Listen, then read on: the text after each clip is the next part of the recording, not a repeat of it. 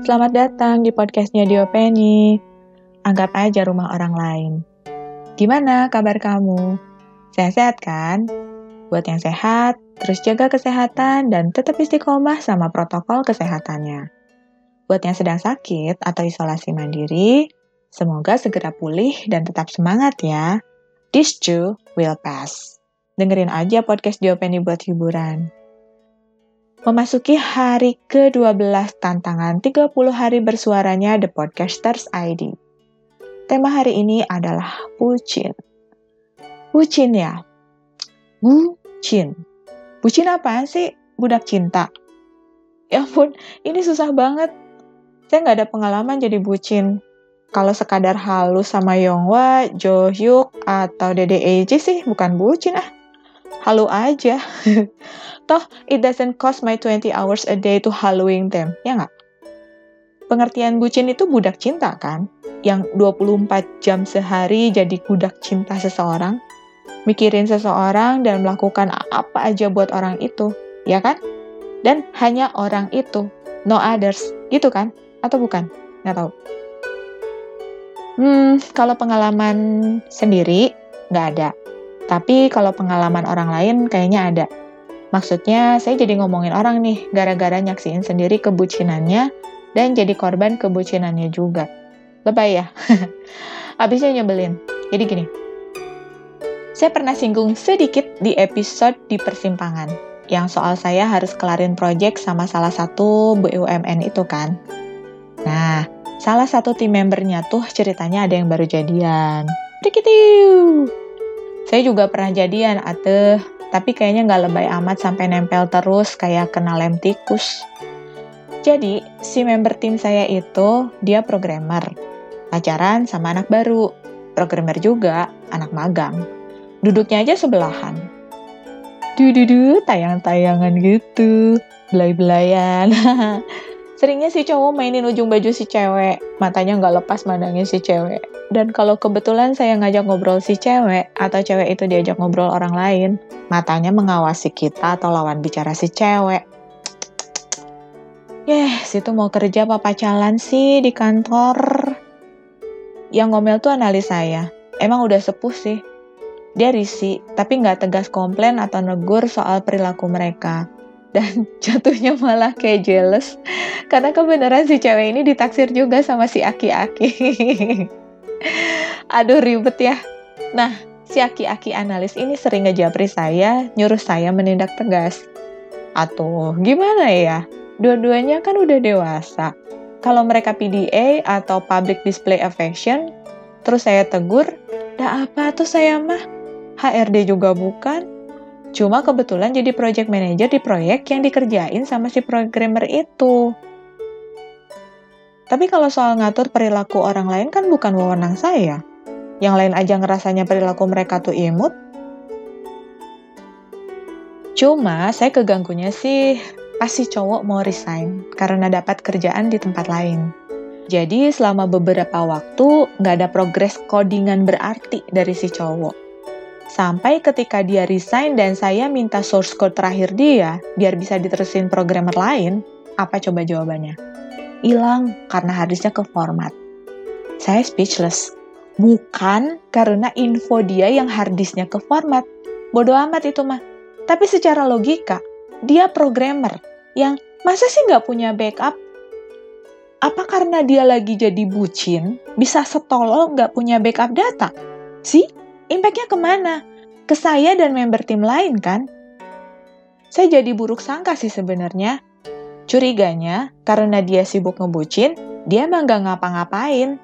Maksudnya nggak ngoding. Di kantor kan dia sibuk belai-belain ceweknya. Atau mainin baju mainin ujung baju ceweknya. Terus tahu-tahu udah jam makan siang aja. Mereka pergi makan berdua dan baliknya nggak tahu kapan. Terus tahu-tahu udah jam pulang aja. Pulang berdua dan mungkin nangkring di kosan ceweknya. Nggak tahu sampai jam berapa. Ini pikiran buruk saya ya, suzon, suzon. Besoknya datang ke kantor bareng ceweknya lagi. Dan repeat. Kalau modelnya kayak gitu, kapan ngodingnya? Dan kalau emang dia sempat ngoding, terus nggak punya backup. Parah ya. Bucin bisa bikin gila. Dan yang terpenting, nyusahin orang lain dan jatuhnya jadi nggak profesional. Hmm, bentar-bentar. Saya jadi keingetan sedikit pas saya diputusin pacar saya waktu SMA. curcol, curcol.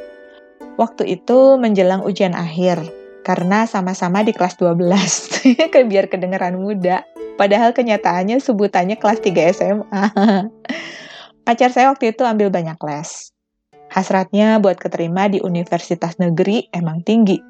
Dia anak yatim dan pengen bahagiain ibunya dengan masuk ke salah satu universitas negeri bergengsi, lalu jadi pegawai negeri.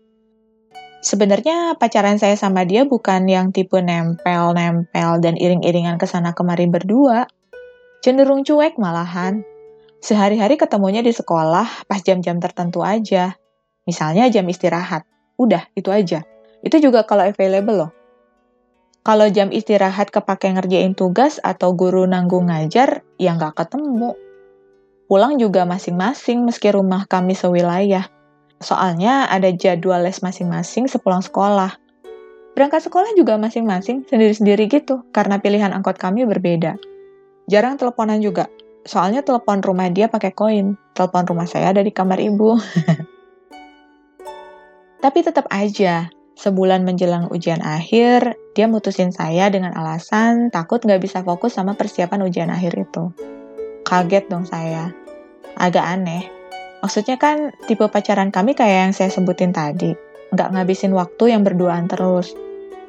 Di situlah dia baru bikin pengakuan. Katanya sebenarnya dia mulai edik ketemu saya. Sering ada perasaan tiba-tiba pengen muncul di depan rumah saya karena kangen luar biasa. Perasaan itu sering muncul pas udah mulai jenuh ngerjain latihan soal. Di sisi lain, dia mesti fokus ngerjain soal latihan dan itu menyiksa dia saya jadi sedih loh. Gak pernah nyangka kalau hal kayak gitu bisa membuat hubungan kami mesti berakhir. Kan sebenarnya bisa dipending sampai kelar ujian misalnya. Cuma dia bilang dia udah berusaha menahan diri selama beberapa bulan sejak awal semester genap. Dia sempat mikir, hasrat muncul tiba-tiba di rumah saya pas di luar jam sekolah bisa jadi goal kalau semua target udah selesai. Tapi makin dia menahan diri, dia bilang makin kuat kangennya makin kuat dorongan pengen ketemu saya di jam-jam itu. Di satu sisi, uhu ya, tapi di sisi lain, apa sih? Jadi dia mikir, kalau misalnya putus, mungkin dia akan ngerasa patah hati dan itu bisa jadi motivasi ngelupain saya, lalu fokus sama belajar dan ujian. Saat dia ngomong itu nggak pakai mikirin perasaan saya kali ya, dan saya nggak bisa apa-apa. Setelah putus, malah saya yang patah hati dan kepikiran dan saya nggak bisa fokus sama soal latihan. Apakah itu bucin? Atau saya kesel aja karena mantan pacar saya tuh nggak bisa multitasking? Maksudnya biar ya pacaran sukses, ujian juga sukses. Harusnya kan bisa gitu ya. Tapi ya udahlah, emang nggak jodoh juga toh. Saya pernah ketemu dia beberapa tahun kemudian saat dia udah jadi PNS. Persis kayak cita-citanya. Saya seneng kok dia berhasil mencapai cita-citanya. Dia sempat ngajak balikan, tapi saya udah nggak ada perasaan apa-apa lagi sama dia. Lagian waktu itu saya baru putus sama pacar saya. Lagi pengen mengistirahatkan hati ceritanya. Jadi ya udahlah, biar aja cerita kami pernah pacaran dulu jadi sejarah buat kami. Cerita SMA. Tapi itu bukan bucin kan ya? Back to bucin topics. Kalau kata para ustadz, daripada jadi bucin manusia, Mending jadi bucinnya Allah aja. Gak ada ruginya. Ngebucin sama Allah malah makin disayang sama Allah loh. Kita mendekati Allah dengan berjalan, Allah deketin kita dengan berlari. Kita deketin Allah satu langkah, Allah deketin kita seribu langkah. Dan kita gak akan pernah patah hati kalau sama Allah bucinnya. Asik. Udah ah, ntar mama dede ada saingan. Oke, sekian dulu celotehan saya tentang bucin untuk ikutan tantangan 30 hari bersuaranya The Podcasters Indonesia. Jangan lupa follow Instagram Diopeni dan juga thepodcasters.id. Makasih ya udah dengerin. Sampai ketemu lagi. Kamu harus terus sehat, biar bisa dengerin saya ngoceh lagi. Dadah!